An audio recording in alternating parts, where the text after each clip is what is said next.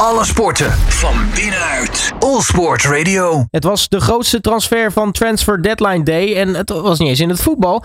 Lewis Hamilton die maakte bekend na komend seizoen over te gaan stappen naar Ferrari. Dit heeft natuurlijk enorme gevolgen. Zo komt er bij Mercedes natuurlijk een zitje vrij en is eh, Carlos Sainz degene die moet vertrekken bij de Italianen.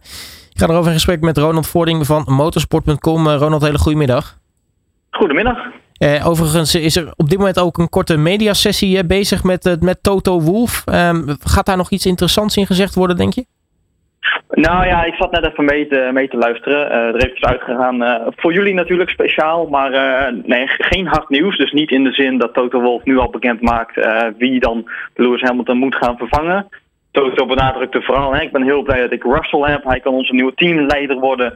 En ik ga echt mijn tijd nemen om te kijken wie er naast hem moet zitten. Mm uh, maar het is meer een soort reconstructie en daar komen wel wat interessante details naar voren. Uh, dingetjes die ik ook gisteravond laat al een beetje hoorde. Bijvoorbeeld dat Toto Wolf pas op 31 januari, dus één dag voor de aankondiging, op de hoogte is gebracht. Uh, er was een meeting gepland met Lewis Hamilton, gewoon om een beetje bij te praten na de winter. En daarin heeft Lewis Hamilton gezegd: uh, met, Voor de kerst zei ik nog in de fabriek dat ik levenslang voor Mercedes wil rijden. Maar ik ben van gedachten veranderd en ik ga toch weg. Uh, dus die timing vond Wolf ook wel verrassend. En dat blijkt ook aan hoe het gisteren gegaan is. Want Wolf heeft iedereen in de fabriek in Brackley toegesproken. Maar moest dat doen via een videoverbinding, omdat hij zelf in Milaan zat denkt iedereen, hé, hey, verrek, hij zat redelijk dicht bij Ferrari, speelt daar dan ook iets? Nee, dat was het niet, want hij had een afspraak met Pirelli staan. Maar dat geeft natuurlijk wel aan dat ook Mercedes en ook Toto Wolff ja, eigenlijk gewoon overdonderd zijn en heel erg verrast zijn door de timing van Lewis Hamilton. Uh, en dat het allemaal vrij last minute in elkaar is gezet, ook qua communicatie. Dus uh, ja, het was niet alleen voor ons en ook niet alleen voor de fans, maar ook voor Mercedes zelf een, uh, een vrij grote schok. Want als we het hebben over de transfer zelf, uh, geruchten hingen natuurlijk al wel in de lucht, meer onder het ja. kopje silly season. Maar had je verwacht dat dit ook echt zou gaan gebeuren?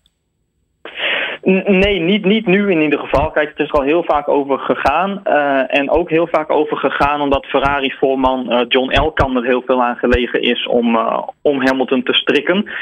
iedere keer zijn er wel gesprekken geweest, maar stond Lewis er toch niet voor open om er echt een klap op te geven. en in die zin is het weer niet zo verrassend, omdat Lewis Hamilton natuurlijk twee mindere jaren met Mercedes achter de rug heeft.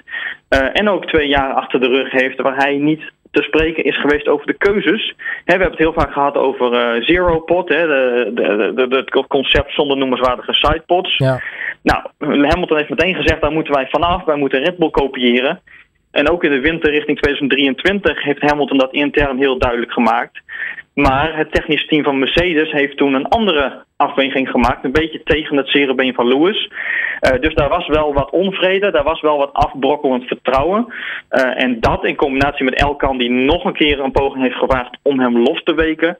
Uh, dat verklaart volgens mij waarom het dit keer, in tegenstelling tot al die andere gesprekken, wel is gelukt. En één ding daarbij moeten we ook niet vergeten. Abu Dhabi hebben het heel erg gehad hè, over Christian Horner. Die zei Hamilton, zijn vader, heeft contact met mij opgenomen of die misschien naast Max zou kunnen rijden. Mm -hmm. uh, werd heel erg weggelachen door het kamp Hamilton.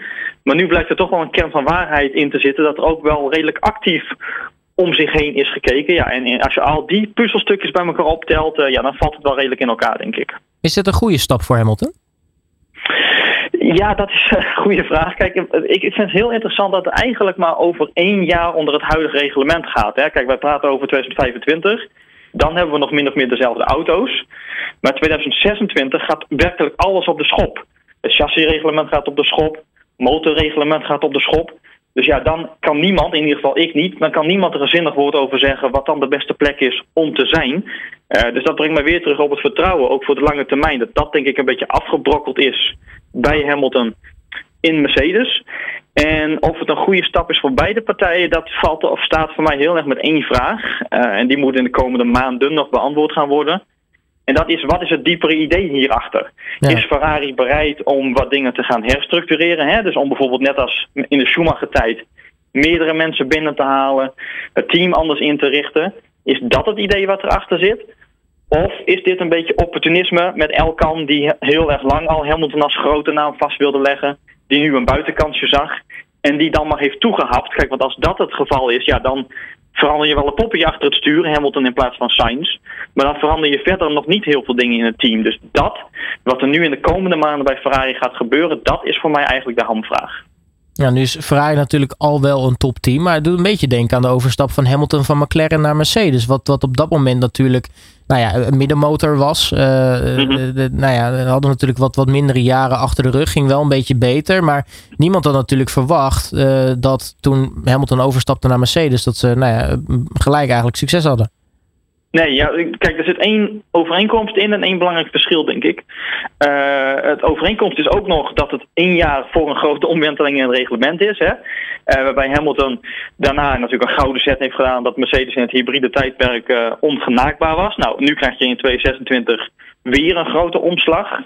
alleen ja, heeft hij dan voorkennis die wij niet hebben of niet? Ja, geen flauw idee. Mm -hmm. maar een belangrijk verschil is natuurlijk wel de leeftijd en de fase van de carrière waarin Hamilton zich nu bevindt toen met Mercedes kon hij echt voor, voor jarenlang, uiteindelijk meer dan een decennium, uh, iets opbouwen. En dat is nu natuurlijk niet meer het geval, aannemende dat hij niet uh, na zijn vijftigste nog wil rijden. Uh, dus het is wel een beetje het geval dat je ook Hamilton, als ik nog een keer voor Ferrari in dat legendarische, hè, want dat mogen we niet vergeten, die aantrekkingskracht van Ferrari is er nog altijd. Mm -hmm. Als ik nog één keer voor het legendarische merk zou willen rijden, dan is het wel nu. Dus ik heb ook wel een klein beetje het gevoel dat dat ook meespeelt bij Lewis. Ja, en, en hoe profetisch zou het zijn als, als Hamilton het record van Schumacher verbreekt door zijn achtste wereldtitel te winnen, uitgerekend bij Ferrari? Ja, ja, tuurlijk. Ja, dat, dat zou uh, voor Lewis en ik denk ook wel voor aardig wat uh, tifosi nu toch wel, alhoewel Schumacher hebben ze natuurlijk extreem hoog zitten, uh, maar toch wel het droomscenario zijn. Alleen ja, daarvoor is 2026 gewoon cruciaal. Want als ik heel eerlijk ben, zie ik niemand anders dan Max Verstappen de komende twee jaar wereldkampioen worden. Hè, Toto Wolff heeft in Abu Dhabi gezegd, wij hebben een mountain to climb onder het reglement. Maar vergeet niet, Ferrari knokte met Mercedes voor P2 bij de constructeurs in die laatste race. Ja. Dus Ferrari heeft net zo goed dezelfde mountain to climb. Uh, dus ik zie Hamilton in 2025 met Ferrari sowieso geen wereldkampioen worden. Uh, waardoor ik eigenlijk al mijn schuin ook naar 2026 ga kijken. Nu zijn er natuurlijk allerlei gevolgen met deze overstap. Uh, de eerste overduidelijke is natuurlijk, uh, uh, nou ja, je kunt maar twee mensen in een team kwijt. Er waren al twee coureurs. Sainz ja. gaat dus weg bij Ferrari. Wat wacht hem in de toekomst? Ja, kijk, en heel veel mensen vragen ook over de timing. Hè? Waarom komt hij nu al naar buiten? Het gaat pas over volgend jaar. Dat is wel noemenswaardig, omdat Sainz daar een rol in speelt. Sainz heeft heel nadrukkelijk gezegd: ik wil voor Bahrein weten waar mijn toekomst ligt. Of dat bij Ferrari is of niet. Uh, nou ja, die gesprekken, ook heel, uh, heel dubieus eigenlijk, zijn volgens mij, volgens mijn informatie, nog tot drie weken geleden voortgezet met Sainz. Toen is er geschakeld naar Hamilton. En ja, hoe dat ook tegenwoordig werkt, hè, zeker met korte lijntjes van papa Sainz en de Spaanse pers, is het geen hele grote verrassing dat het verhaal daar ook een beetje naar buiten kwam gisteren. Dus Sainz weet dat hij daar niet meer welkom is na dit seizoen. Uh, en dan is de vraag inderdaad, waar komt hij uit? Nou, er zijn heel veel opties. Twee voor de hand liggende zouden het natuurlijk kunnen zijn wisselen. Hè? Dus hij naar Mercedes om in ieder geval een paar jaar te overbruggen. Uh, een andere optie die natuurlijk heel veel hoort is het Audi-project, waar uh, papa Sainz aan gelieerd is al met de Dakar-overwinning. Mm -hmm. Maar waar ook uh, Carlos Junior al heel vaak aan gelinkt is.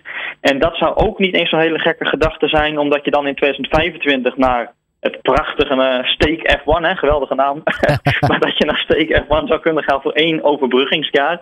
En dat je dan voor 2026, als Audi er echt in komt, uh, meteen dingen mee kunt opbouwen. Dus dat zijn denk ik de twee meest reële opties. Daarnaast wordt natuurlijk nog wel gesproken over Aston Martin. Wat gebeurt er bijvoorbeeld met Alonso? Hoe lang wil hij nog door?